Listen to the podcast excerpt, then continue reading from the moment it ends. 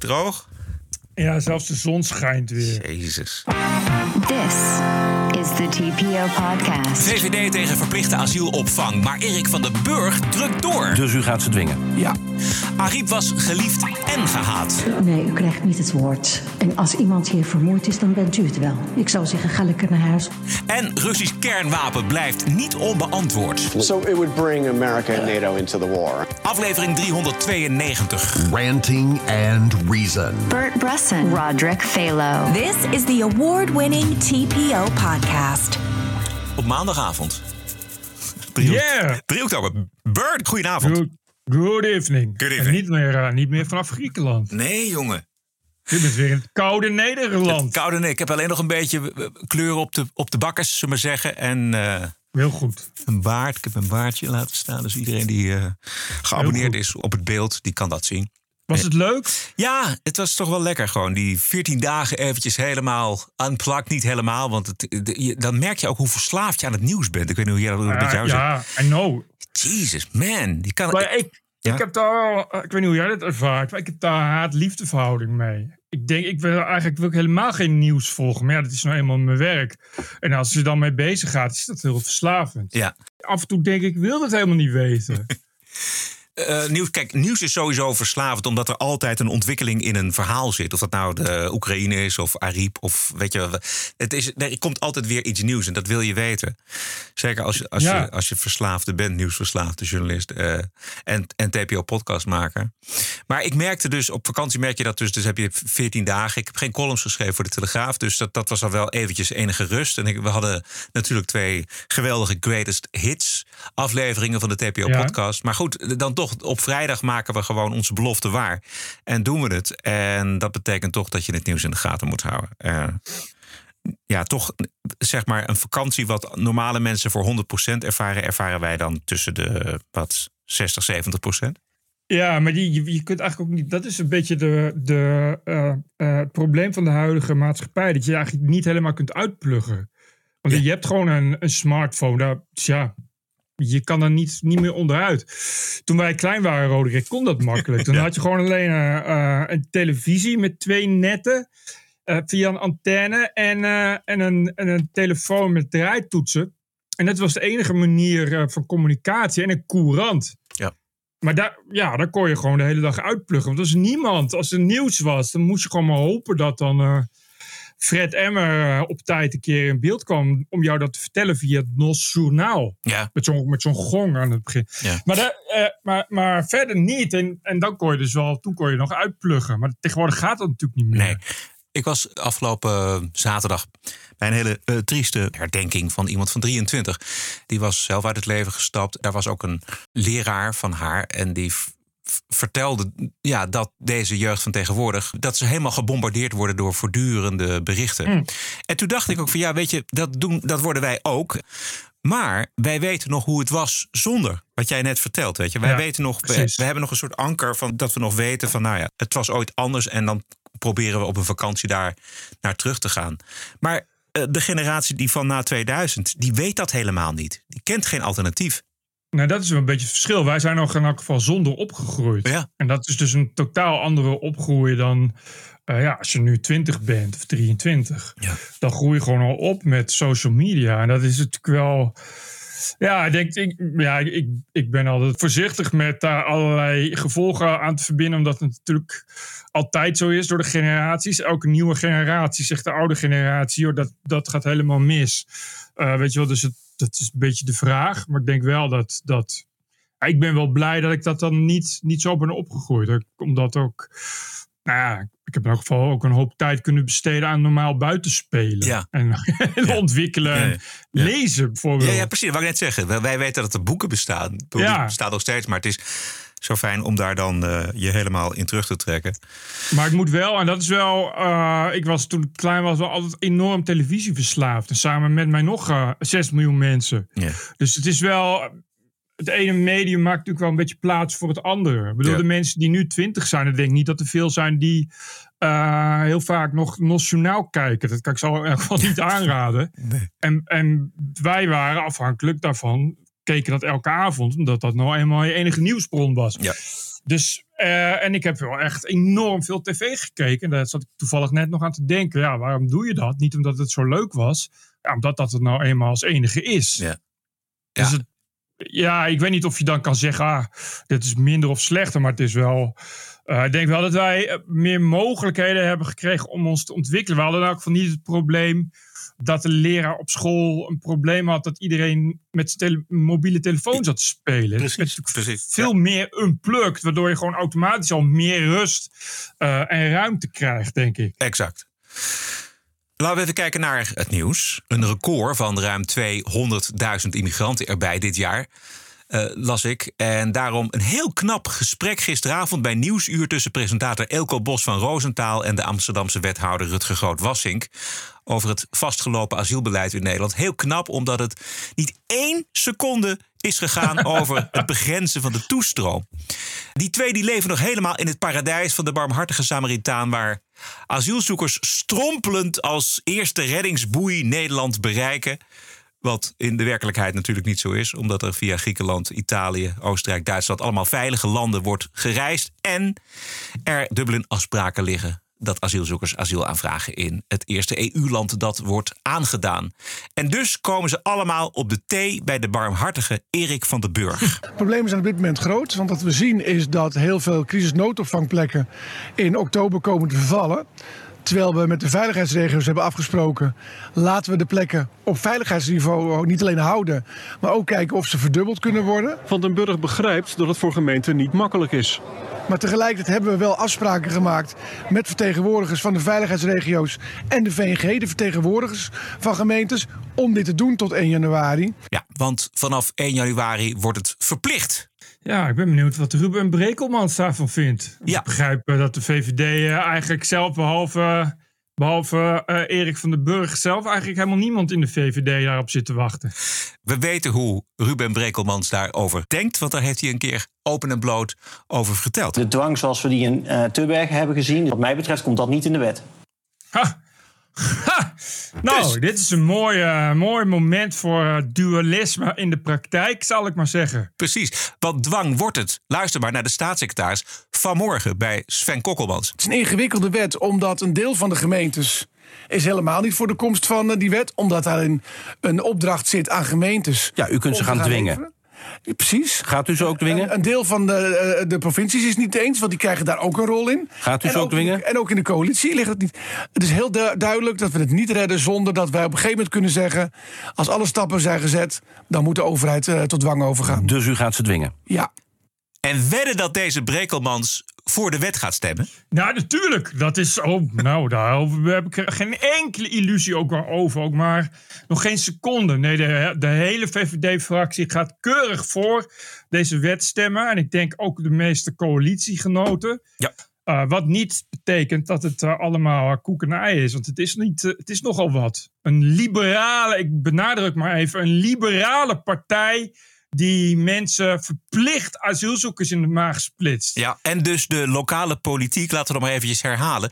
de lokale po politiek op dit terrein buiten werking stelt. Want dat Juist. is de gedachte bij dit kabinet... en zeker bij deze Erik van den Burg. Dat is namelijk doordrukken. Net zo lang doordrukken totdat je je gelijk krijgt... en totdat je het voor elkaar krijgt. Ja, laat het nou net zo zijn dat lokale VVD'ers allemaal radicaal tegen dit Juist. plan zijn. Dus dat wordt een groot feest wederom, zoals alles tot nu toe in dit kabinet Ja. een groot feest is geworden. Nu maar hopen dat we dan nog een Kamervoorzitter hebben. Ja, ach gosje, daar gaan we het zo meteen over hebben. Maar als Brekelmans en de fractie meestemt, wat ze natuurlijk gaan doen... dan, dan is dat natuurlijk het zoveelste bewijs dat die VVD... een volstrekt onbetrouwbare politieke partij is. Dat en, vind ik wel. en dan zijn we er nog niet, want het moet het natuurlijk, die wet moet door de Tweede en de Eerste Kamer. En volgens mij eh, lukt dat niet door de. Eerste Kamer. Is hij kansloos, precies. Dus het, Ka- volkomen kansloos. dus het gaat niet gebeuren.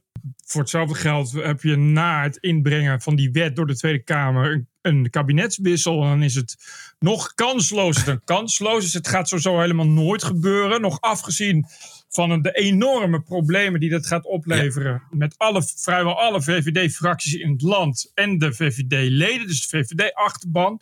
Wat eh, toch allemaal extra VVD-spanning op zal leveren die Rutte helemaal niet kan gebruiken. Ehm, en dan zelfs als het niet kansloos is, kan ik je nu al vertellen dat uh, die provincies en die gemeenten daar dus niet aan gaan meewerken. Ja. Zo is het nou ook nog eens een keer. Je hoeft er niet aan mee te werken. Dat betekent dat je een wet gewoon naar de Raad van State kan brengen of naar de bestuursrechter. Nou ja, kijk, als die, als die wet de Eerste en de Tweede Kamer wel doorhaalt, dan, dan hebben denk ik provincies niet zoveel in te brengen. En dan is het gewoon kabinetswil, is wet. Ja, ja, maar je uit. kan, daar, je kan daar wel nog tussen die tijd kun je daar een hoop aan ja, ja, ja. doen. Ja, dat is waar. Je kan wel allemaal wetten invoeren, maar je moet ze wel ook kunnen invoeren. En Ja. dan moet maar in de praktijk blijken hoe die wet zich uitpakt. En het is sowieso een proces van jaren. Die Erik van den Burg doet hier alsof hij een decreet als Poetin kan ondertekenen. En dat het dan de volgende dag geregeld is. Dat is dus niet zo. Nee. Het, is, het is een volkomen zinloze symboolpolitiek. Die iets moet maskeren, maar juist het omgekeerde doet. Namelijk open en bloot laat zien hoe groot het, het, het asielzoekersvraagstuk inmiddels is geworden. En toch is denk ik dat die Van den Burg en dat zo'n Elko Bos van Roosentaal en zo'n Rutger Groot-Wassing allemaal, ook dus het journaille noem ik er specifiek bij, allemaal nog in hun hoofd hebben dat het eh, gaat om eh, uitbreiding van capaciteit en dat dat alles gaat oplossen. Dat dat de structurele oplossing is van het asielprobleem. Daarmee volkomen vergetend dat de stroom aan asielzoekers alleen maar groter en groter wordt. Ik weet niet of je toevallig een van die filmpjes hebt gezien. Een van die duizend asielmannen op een cruiseschip. Ja. Die, die kon zijn lol niet op en die filmde eh, voor zijn Insta-account het lopend buffet en de luxe, het luxe Ja. interieur en het uitzicht. En stuurde dat aan iedereen, alle volgers in Irak en Algerije en Syrië en Afghanistan. En wat denk je wat al die volgers gaan doen? Eh, die gaan ook hierheen. Die willen ook graag gratis eten op een luxe cruiseschip. Ja. Eh, in een land waar ze een uitkering krijgen en twee miles en ze hun 300 gezinsleden kunnen overhalen. En daarna op straat vrouwen kunnen lastigvallen omdat die te weinig hoofddoekjes op hebben. En noem het allemaal maar op. Bovendien kunnen ze dan ook nog eens een keer eh, eh, hun vrouw slaan. En tegelijkertijd bij een politieke partij als D66.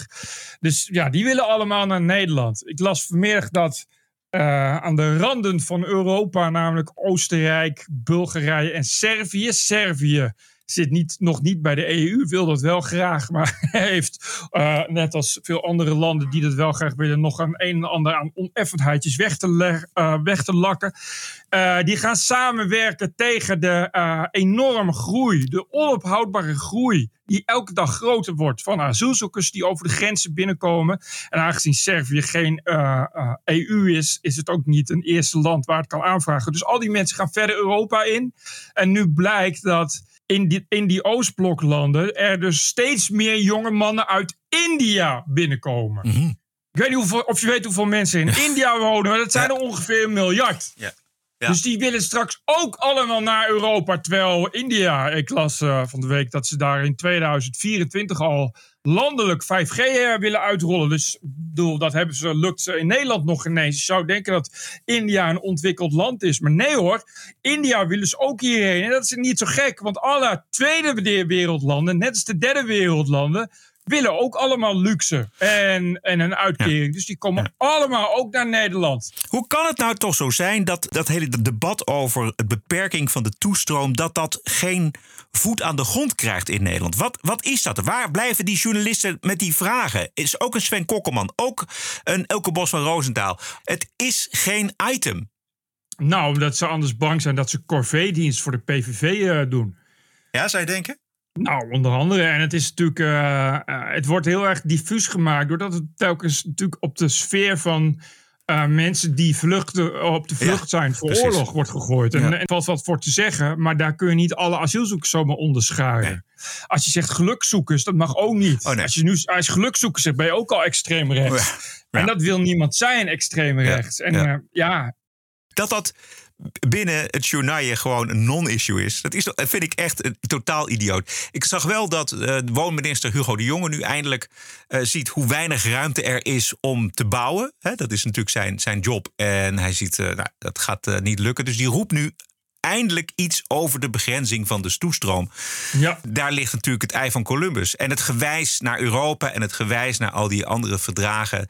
Het, het idioot is dat Ne- Nederland als enige in Europa deze weg bewandelt. En de rest denkt allemaal aan zichzelf. We zullen straks zien, godzijdank, dat Klopt. er in Italië ook de grenzen dichtgaan. Eh, nou ja, als dat een beetje wil uitpakken daar bij in wat- wat jij net noemde, Oostenrijk, Servië. Nou, ja, laten we hopen dat, dat, eh, dat die grens ook dicht gaat. Eh, Oostgrens is dicht. Maar ja, ook met de vliegtuig kunnen ze hierheen komen. En dat gebeurt ook. Het probleem van Nederland is natuurlijk dat het altijd gezellig moet zijn. Eh, en dat mensen eh, graag als allerbelangrijkste fatsoenlijk willen zijn. Fat- en ja, als Ja, je zegt, dat is het. Dat is het, precies. En dat is echt, weet je, ja, je, je mag niet, dat is de grens aan de groei, maar heb je, is, is ook altijd verboden geweest om, om daarover te praten. Dat is onfatsoenlijk. Ja. En ja, en journalisten, ja, dat weet je, die zijn 90% wil als in de eerste plaats graag fatsoenlijk zijn. Ja, die wil een, een lans breken voor de zielige mensen die hier aankomen en allemaal asiel nodig hebben. Ja, die vinden, de, de meeste journalisten vinden dat, dat ze daarvoor hun werk doen. Ja. Om, om, om voor zielige mensen te spreken. En mensen die komen, ja, dat zijn allemaal zielige mensen. Terwijl ja, je zou toch eh, kunnen, zelf ook kunnen bedenken dat, dat het natuurlijk niet altijd zo is. En dat het natuurlijk een probleem is in een land als Nederland. Kijk maar naar die filmpjes die eh, op de cruiseschepen gemaakt zijn. Dat zijn geen asielzoekers, dat zijn allemaal asielmannen. Ja, inderdaad, gelukzoekers. Mensen die eh, net zo goed in hun eigen land hadden kunnen blijven. Ja, die weten allemaal hoe moeilijk het is als je eenmaal bent voordat je weer, voordat je weer weg moet. Dus natuurlijk komen ze dan. Eerlijkheid gebied te zeggen dat er ook een succesje is geboekt. NRC berichtte afgelopen zaterdag over een interne mail van het ministerie van Justitie en Veiligheid. waarin staat dat Marokkaanse vreemdelingen weer opgepakt kunnen worden. om ze gedwongen op een vliegtuig te zetten naar Rabat. Kan allemaal omdat de relatie tussen Nederland en eh, Marokko erg eh, verbeterd schijnt te zijn. Marokkaanse premier is op bezoek geweest bij Rutte. En ook Hoekstra doet het goed in de relatie met Marokko. Eh, Nederland lijkt, wat daar moet voor betaald worden natuurlijk. Wat ervoor betaald wordt door Nederland, is dat Nederland een oogje dichtknijpt bij de mensenrechten schendingen in Marokko. Volgens de Telegraaf. Nou, nee, ja. De, niet alleen een, oogje dicht bij de mensenrechten maar dat Nederland eh, ook geen kritiek meer heeft op Marokko. Dus Oh, oh ja. Nederland mag ook niks meer zeggen over Marokko. wat, wat Marokko als kritiek kan opvatten, dat kan, heeft Marokko al snel. Marokko is nu zelfs woest op Adidas, omdat het voetbalshirtje van het nationale elftal van Algerije een Marokkaans patroontje op de achtergrond heeft. En dat is volgens Marokko cultural appropriation. Oh, dus ja. Marokko ziet nu graag dat Adidas onmiddellijk stopt met dat voetbalshirtje, alle voetbalshirts uit de handel haalt. Jezus. Uh, mina. en dat heeft weer te maken dat Marokko en Algerije steeds minder vrienden zijn. Wat weer te maken heeft met de bezetting van de westelijke Sahara. Ja. Wat weer te maken heeft met dingen waar we het niet over mogen hebben van Marokko. Wat natuurlijk heel goed uitkomt als je iets bezet wat je eigenlijk niet mag bezetten. Waar mensenrechten worden geschonden. Is het fijn als een leidend land in de EU, een hoog eh, staand, modern land, een, een, een democratische rechtsstaat, daar lekker niks over zegt. Bovendien geeft het natuurlijk wel aan hoe diep en diep cynisch het is geworden. Ja, exact. Eh, vluchtelingen worden op die manier dus als ruilmiddel Ja. ingezet Ja. om te chanteren. En het, ja, het geeft al aan hoe groot het probleem is geworden voor Europa. Dat Marokko dit Voor elkaar eh, krijgt. eh, voor elkaar kan krijgen. Ja, inderdaad.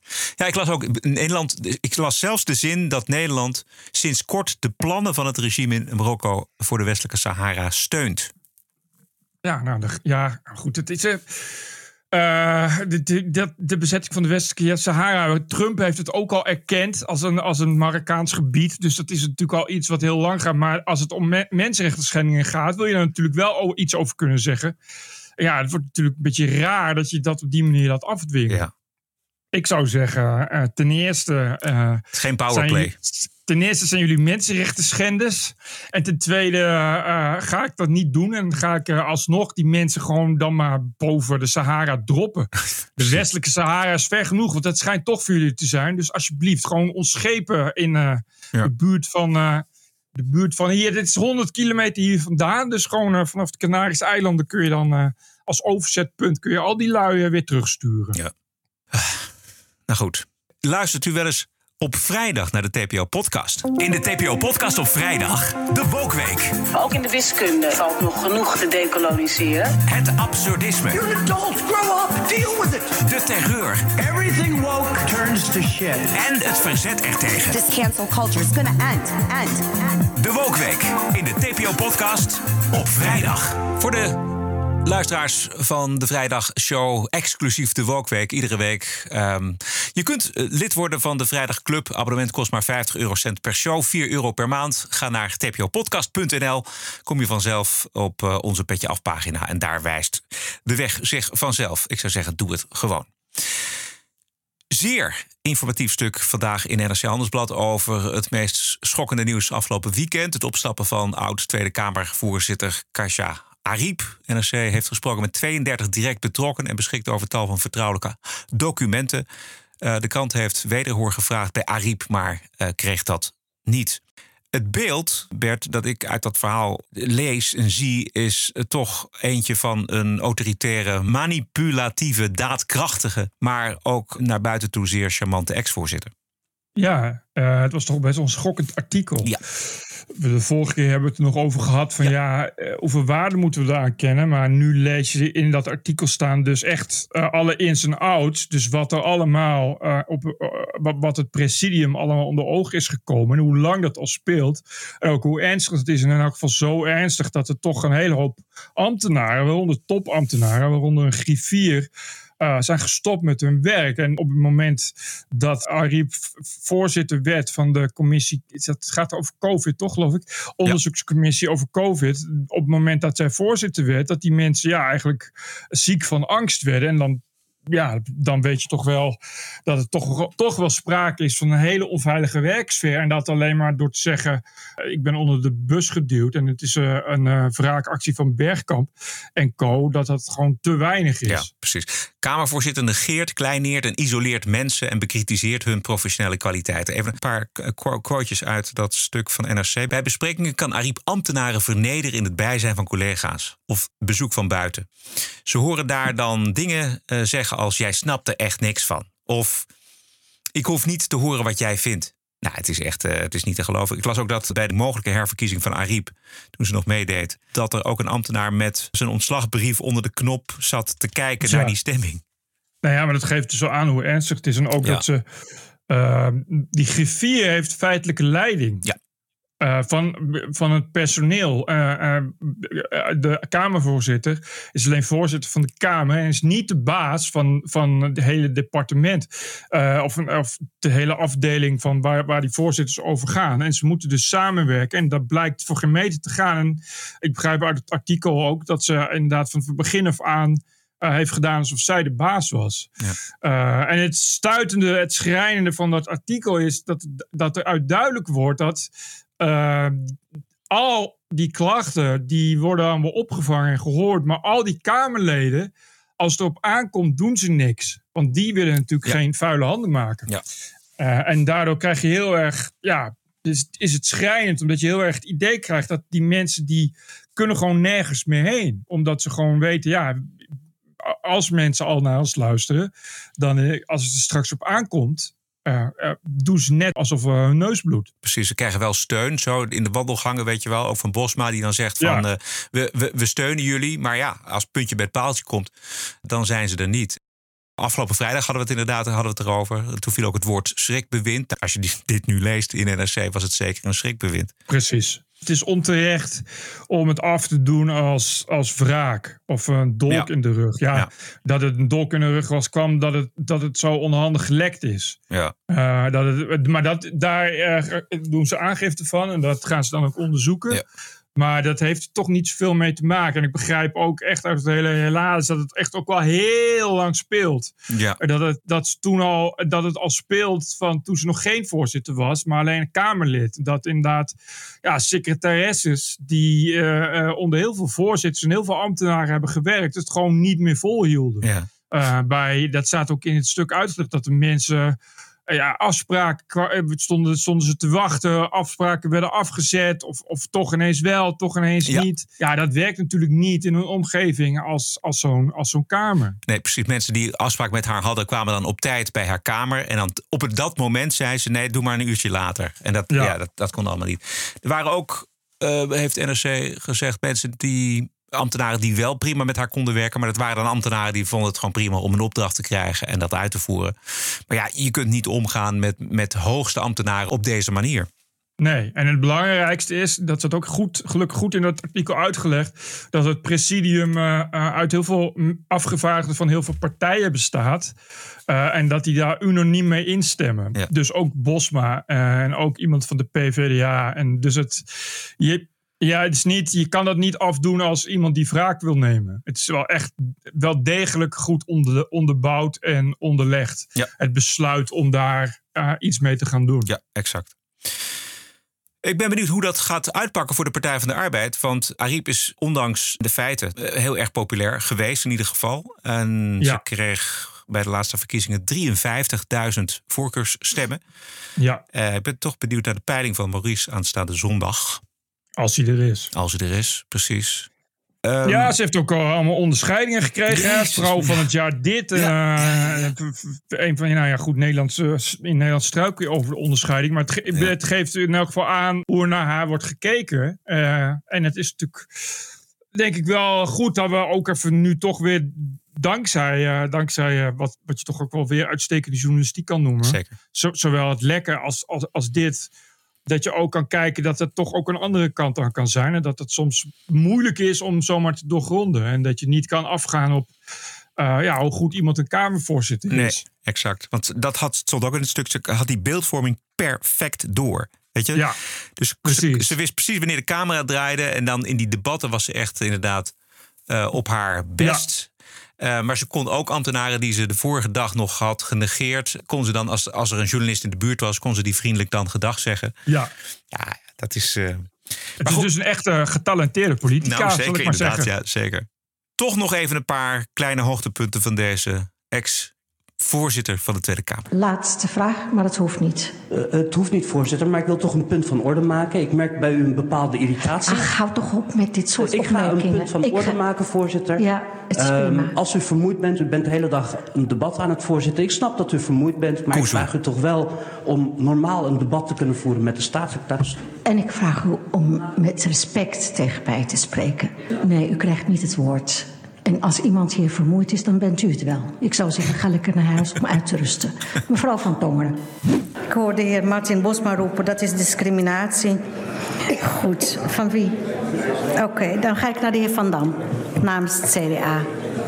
Ja, voorzitter, ik heb lang geleden afgeleerd dat als twee vrouwen van mening verschillen, dat ik daar als man dan eh, mij helemaal in moet mengen. Dit is echt, meneer Van Dam. Maar ik richt meneer mij- Van Dam. Ik richt mij. Nee, meneer Van Dam, daar gaat u niet zomaar eh, makkelijk mee, mee weg.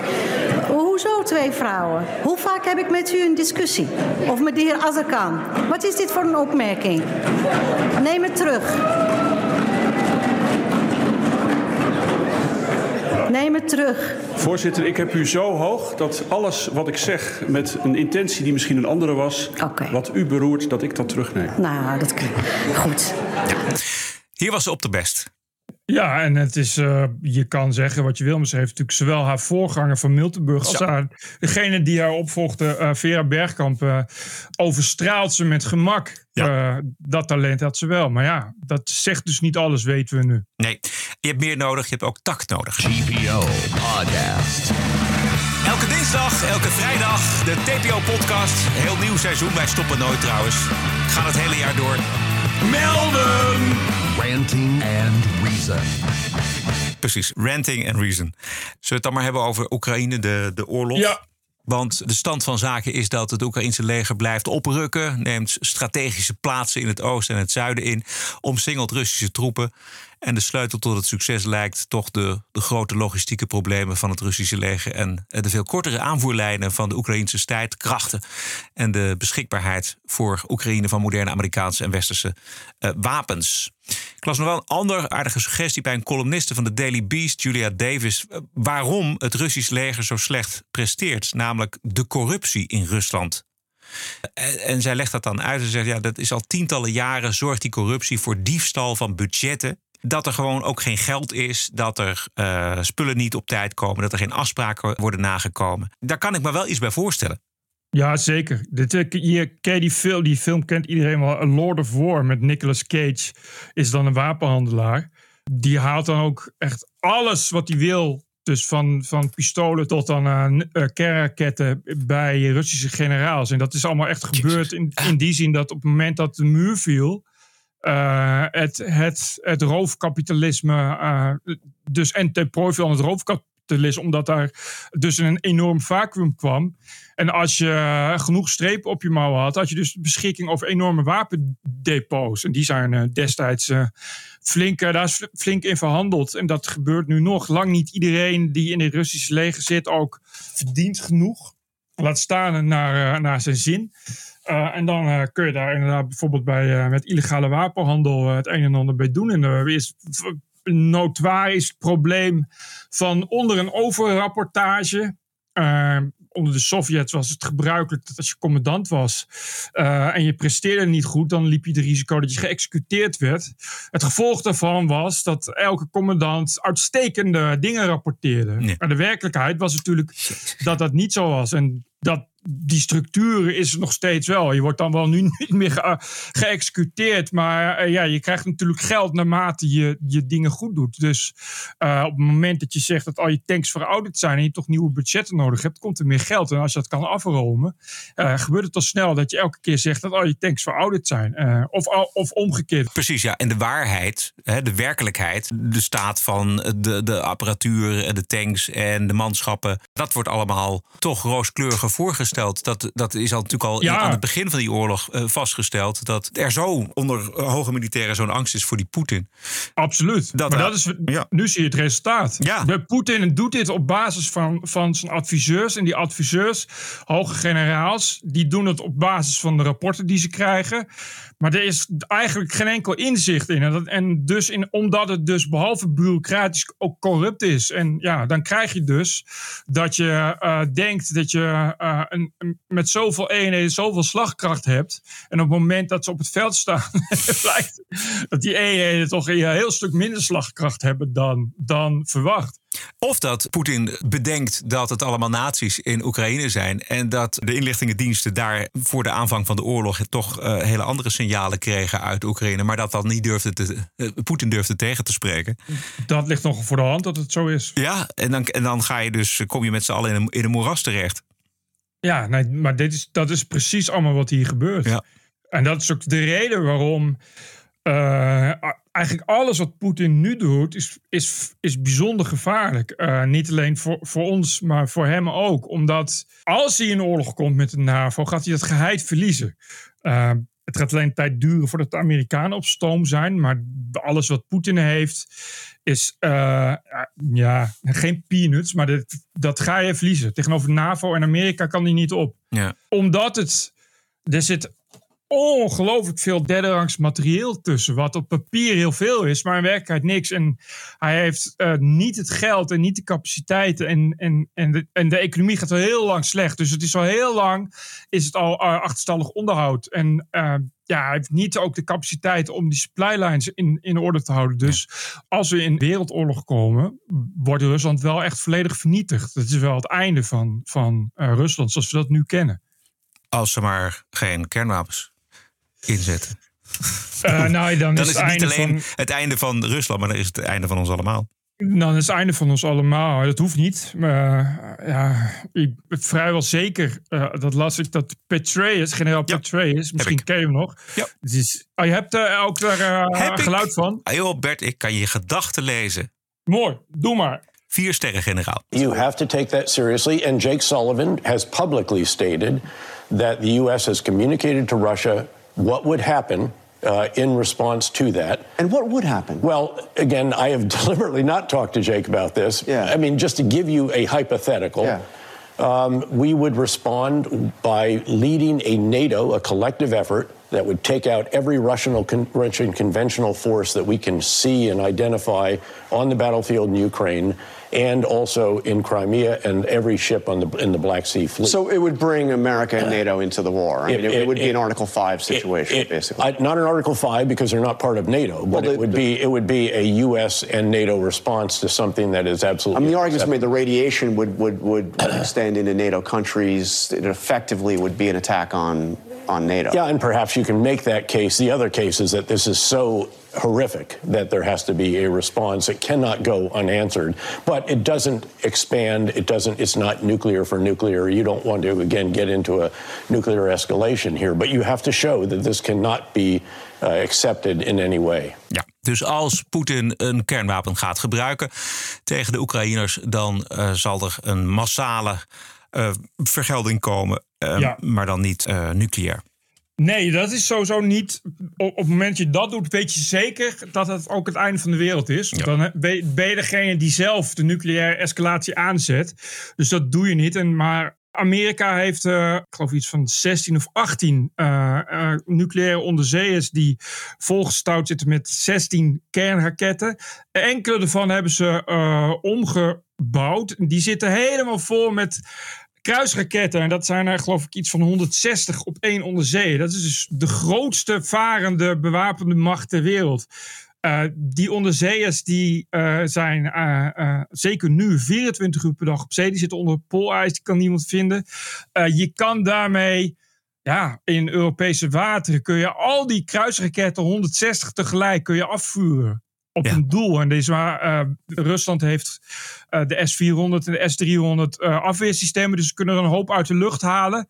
Maar daar kun je niets, vrijwel niets tegen doen. En, en er komen er genoeg door om, om immense schade aan te richten. En dat, weet Poetin ook. dat weet Poetin. Dat- Sterker nog, dat is iets wat Biden en Macron en iedereen ook allemaal duidelijk hebben gezegd aan, aan Poetin. Je weet, dat is. Ze zeggen niet. Dat kun je niet doen. Je kan niet zeggen: dit, dit ga ik doen. Want dat is te dom voor woorden om dat Ja. te doen, uiteraard. Ehm, maar, ze zeggen, maar ze zeggen wel: je weet wat we hebben. Het is per definitie zo, wat Petraeus net zegt. Als Amerika een conventionele vernietiging wil bereiken bij de Russen, dan gaat het gebeuren. Ehm, en dat heeft op zich weer risico dat Poetin dan in een alles of niets situatie komt en zich dan alsnog gedwongen voelt om nog meer kernwapens te gebruiken. Ja, ja.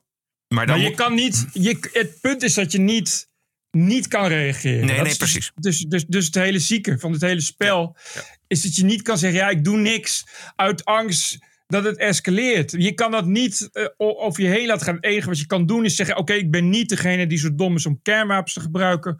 Dus ik doe het conventioneel. En dan moet je hopen dat Poetin zo helder van geest blijft om te zeggen: ik vergeld ook weer met conventioneel. Maar het is wel een kat in het nauw die je dan nog verder in het nauw dringt.